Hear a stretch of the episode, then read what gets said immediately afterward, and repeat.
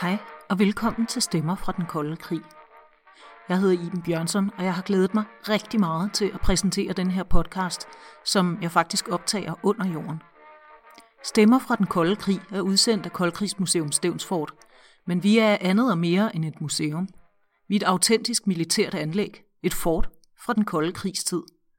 Og fordi den kolde krig jo ikke er så lang tid siden igen, så er vi så heldige, at vi en gang imellem får lov til at interviewe nogen, som rent faktisk har arbejdet eller gjort tjeneste her. Det gør vi for at indsamle viden om, hvordan fortet har fungeret og gøre fortællingen på museet mere levende. Men egentlig synes vi, at det ville være synd, hvis det kun var os, der kom til at høre de her interviews. Så i Stemmer fra den kolde krig vil vi bringe jer nogle af alle de personlige fortællinger og røverhistorier om at gøre tjeneste i den kolde krigs frontlinje. Men før jeg giver ordet videre til de folk, som selv var til stede, så vil jeg lige bruge det her introafsnit til at sætte scenen. Hvis du er over en vis alder, så kan du selv huske den kolde krig. Men hvis ikke, så kan du lige få et hurtigt overblik over, hvad den kolde krig var, og hvorfor det danske forsvar og folketing synes, at det var en god idé at grave et fort ind i Stævns Klint. Vi starter ved begyndelsen.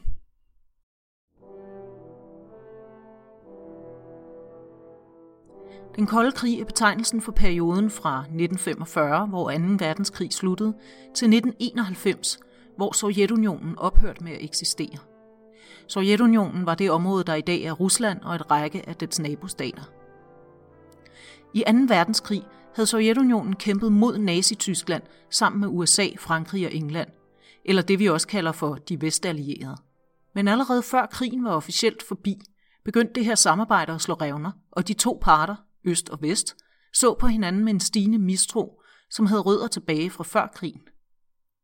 Det førte til, at i årene efter krigens afslutning delte supermagterne så småt verden på den nordlige halvkugle og en stor del af den sydlige i to blokke, øst og vest. Skillelinjen gik direkte ned gennem Europa, lige øst for Danmark. De her blokke de blev til militære alliancer. USA og Vesteuropa dannede NATO i 1949, og i 1955 fulgte Sovjetunionen efter med Varsava-pakten.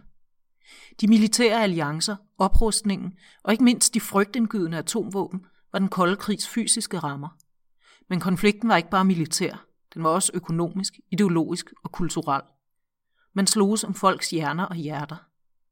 Lidt forsimplet kan man sige, at Vest promoverede en kapitalistisk demokratisk samfundsform, hvor Øst forsøgte at virkeliggøre kommunismen, hvilket resulterede i en række autoritære styre. Den kolde krig hedder, som den gør, fordi det aldrig udviklede sig til en rigtig krig mellem supermagterne. Mange mener, at det skyldes atomvåbnenes tilstedeværelse. En krig med atomvåben ville være så grusom og altudlæggende, at det simpelthen ikke var en mulighed at udkæmpe den. Lige efter krigen havde Danmark forsøgt at holde sig nogenlunde neutral i det her – men efterhånden som den her konflikt spidsede til, blev det klart, at på grund af sin beliggenhed ville Danmark være ekstremt udsat i en militær konflikt mellem øst og vest. Danmark valgte derfor at gå med i NATO. Og hvad er det så, jeg mener, når jeg taler om Danmarks beliggenhed? Jo, hvis du kigger på et kort, så ligger Danmark ved Østersøen. Og det var der også andre, der gjorde, nemlig Sovjetunionen og Polen og Østtyskland, der alle hørte til Østblokken. Det var en strategisk vigtig placering, fordi skibe fra de her lande var afhængige af at kunne passere gennem de danske farvande, eller de danske stræder, som man også kaldte det, Storebælt, Lillebælt og Øresund, for at kunne komme ud på de vestlige verdenshave. Så på grund af det her naboskab, så ville Danmark være et af de allerførste lande, som blev angrebet, hvis det kom til en krig. Vi var en såkaldt frontlinjestat. Danmark blev også kaldt for Østersøens vogter, eller mindre højtidligt, proppen i Østersøen. Det betød også, at det var Danmarks job at forhindre Varsava-pagtens Østersøfloder i at komme ud i Atlanterhavet i tilfælde af krig. For at kunne lukke stræderne for skibstrafik i tilfælde af krig, så ønskede Danmark at bygge to kystforter.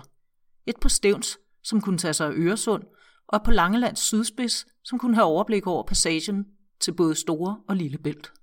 NATO derimod syntes, at de her forter var en dårlig idé, i NATO foretrak man mobile batterier, som havde den fordel, at de kunne sættes ind i kamp flere forskellige steder, og ikke mindst, at fjenden ikke vidste på forhånd, hvor de lå.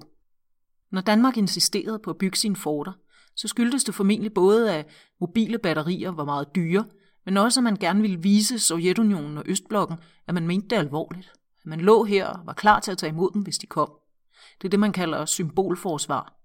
Altså nogle foranstaltninger, som ikke bare er beregnet til krig, men måske også til at afskrække en modstander. Men fordi NATO ikke var enige i den her beslutning, så var der altså heller ingen penge at hente her. Så Stævnsfort blev bygget for nationale midler. Egentlig var det rigtig svært at få Folketinget til at bevilge penge, men det ændrede sig, da Koreakrigen brød ud.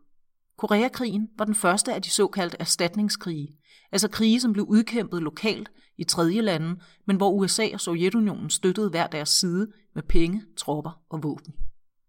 Erstatningskrige blev en ret normal del af den kolde krig, men fordi Koreakrigen var den første, så vidste man ikke helt, hvordan det ville gå, og man var alvorligt bange for, at det skulle udvikle sig til en ny verdenskrig. Så derfor fik danskerne travlt. I 1950, samme år som Koreakrigen udbrød, vedtog Folketinget en særbevilling til forsvaret på 300 millioner kroner. Det svarer til næsten 6 milliarder i 2020-priser. Man begyndte at bygge Stævnsfort i 1952, og allerede året efter blev det indvidet, selvom det egentlig ikke var helt færdigt. Det kan du alt sammen høre mere om i det første rigtige afsnit. Fortet blev gravet ind i Stævns Klint for at gøre det modstandsdygtigt over for et angreb, især med de frygtede atomvåben. Aftenbladet 2. juni 1953. Landets stærkeste fort indvis i dag. Danmarks mest moderne militære anlæg, det nye fort på Stævns Klint, vil i dag blive indviet. Ganske vist er selve byggepladsen ikke ganske færdig, og en hel del af installationerne er endnu ikke lavet, men selve fortet er nu bygget. Fortet er som bekendt sprængt ind i klinten, således at kanonerne står i huler i klintens side. Det har været et stort og krævende ingeniørarbejde, men til gengæld vil det også blive meget vanskeligt for en eventuel militær fjende at tilintetgøre det.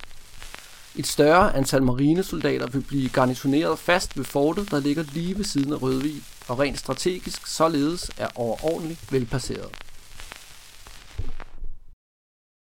Hvis du kigger nærmere på det der kort, så kan du se, at halvøen Stævns syd for København, den peger lige mod sydøst, ud mod det sted, hvor Østersøen bliver til Øresund.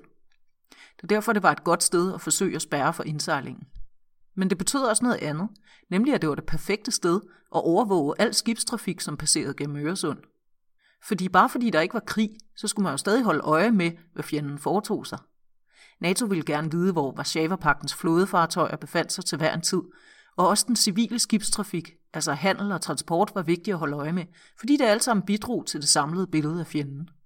Så selvom Stævnsfort egentlig var bygget op for at understøtte to store tyske kanoner, som man havde ravet til sig efter krigen, så blev fortet ret hurtigt, faktisk kun godt 10 år efter det var blevet indvidet, indrettet som hovedkvarter for det, der hed Sundets Marinedistrikt, eller SUM, som stod for farvandsovervågningen i fredstid og for koordinering af søredning.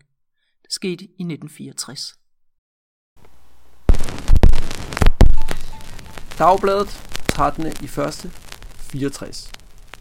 Stævnsfort skal fungere som hovedkvarter for det nyoprettede Stormarindistrikt, som skal dække farvandsovervågningen fra Isefjord til Dars i Østtyskland. Det tidligere marinedistrikt Stævns med hovedkvarter på Stævnsfort sammenlægges nemlig nu med Sundets Marinedistrikt, der har haft hovedkvarter på Lynetten ved København. Det nydannede Stormarinedistrikt har fået fællesnavnet Sundets Marinedistrikt og får sit fremtidige hovedkvarter på Stævnsfort. De nye grænser for det udvidede Sundets Marinedistrikt kommer herefter til at strække sig fra Isefjord i nord og vest til Hesnes på Falster og Dars i Østtyskland i syd. I den østlige del af Østersøen begrænses marinedistriktets område naturligt af Danmarks geografiske søgrænser mod Østtyskland, Polen og Sverige.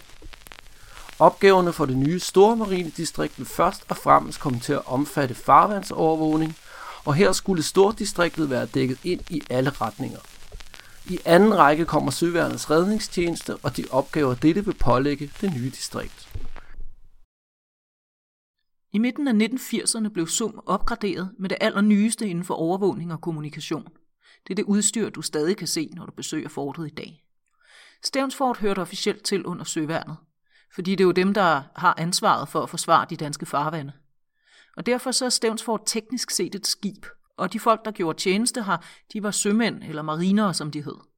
Det afspejler sig i deres sprog og deres militære grader. Men søværnet var ikke de eneste, der var til stede på halvøen Stævns. For hvis det kom til krig, ville fjenden også angribe med bombefly, og her må man regne med, at København ville være et særligt udsat mål.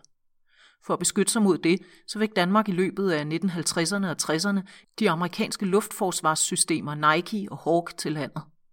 Det er begge såkaldte jord-til-luftforsvar, som altså skulle nedskyde fjendtlige fly med missiler. De blev stillet op i en ring om København, og her var Stævns altså så strategisk afgørende, at der under den kolde krig til enhver tid var opstillet to missilbatterier. Til at starte med var det et af hvert, som stod ved Stævns fyr og længere op ad kysten, men da man udfasede Nike-systemet i 1980'erne, så rykkede endnu et Hawk-batteri til Stævns og fik plads på Stævns Fort. Det er taget ud af brug, men du kan stadig se de gamle missiler her på fortet, ligesom du kan besøge de tidligere missilbatterier ved fyret af Sierslev. Men så sluttede det hele. Ret pludseligt. I 1989 faldt Berlinmuren, og bare to år efter kollapsede Sovjetunionen. Hvordan det kunne ske er en helt anden historie, men for Danmark og Vesten betød det jo altså pludselig, at den fjende, man havde bygget hele sit forsvar op omkring, var væk. På Stevnsfort fortsatte farvandsovervågning og søredning, og missilerne blev stående over tid ud.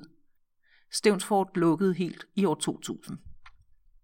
I år 2008 genopstod det så som museum, og det er vi selvfølgelig rigtig glade for, for det er derfor, vi nu kan bringe dig alle de her historier. Næste gang i vores første rigtige afsnit skal vi tale med en mand, som var med helt fra start. Vi håber også, I vil lytte med, når vi for alvor går i luften med stemmer fra den kolde krig. Hvis du vil vide mere om fortet og måske endda har fået lyst til at besøge os, så gå ind på stævnsfortet.dk og læs mere. Den her podcast er blevet til takket være gavmilde donationer fra Forsvarsministeriet og Bodil Pedersen Fonden. Og tusind tak for det. Til næste gang, tak fordi du lyttede med.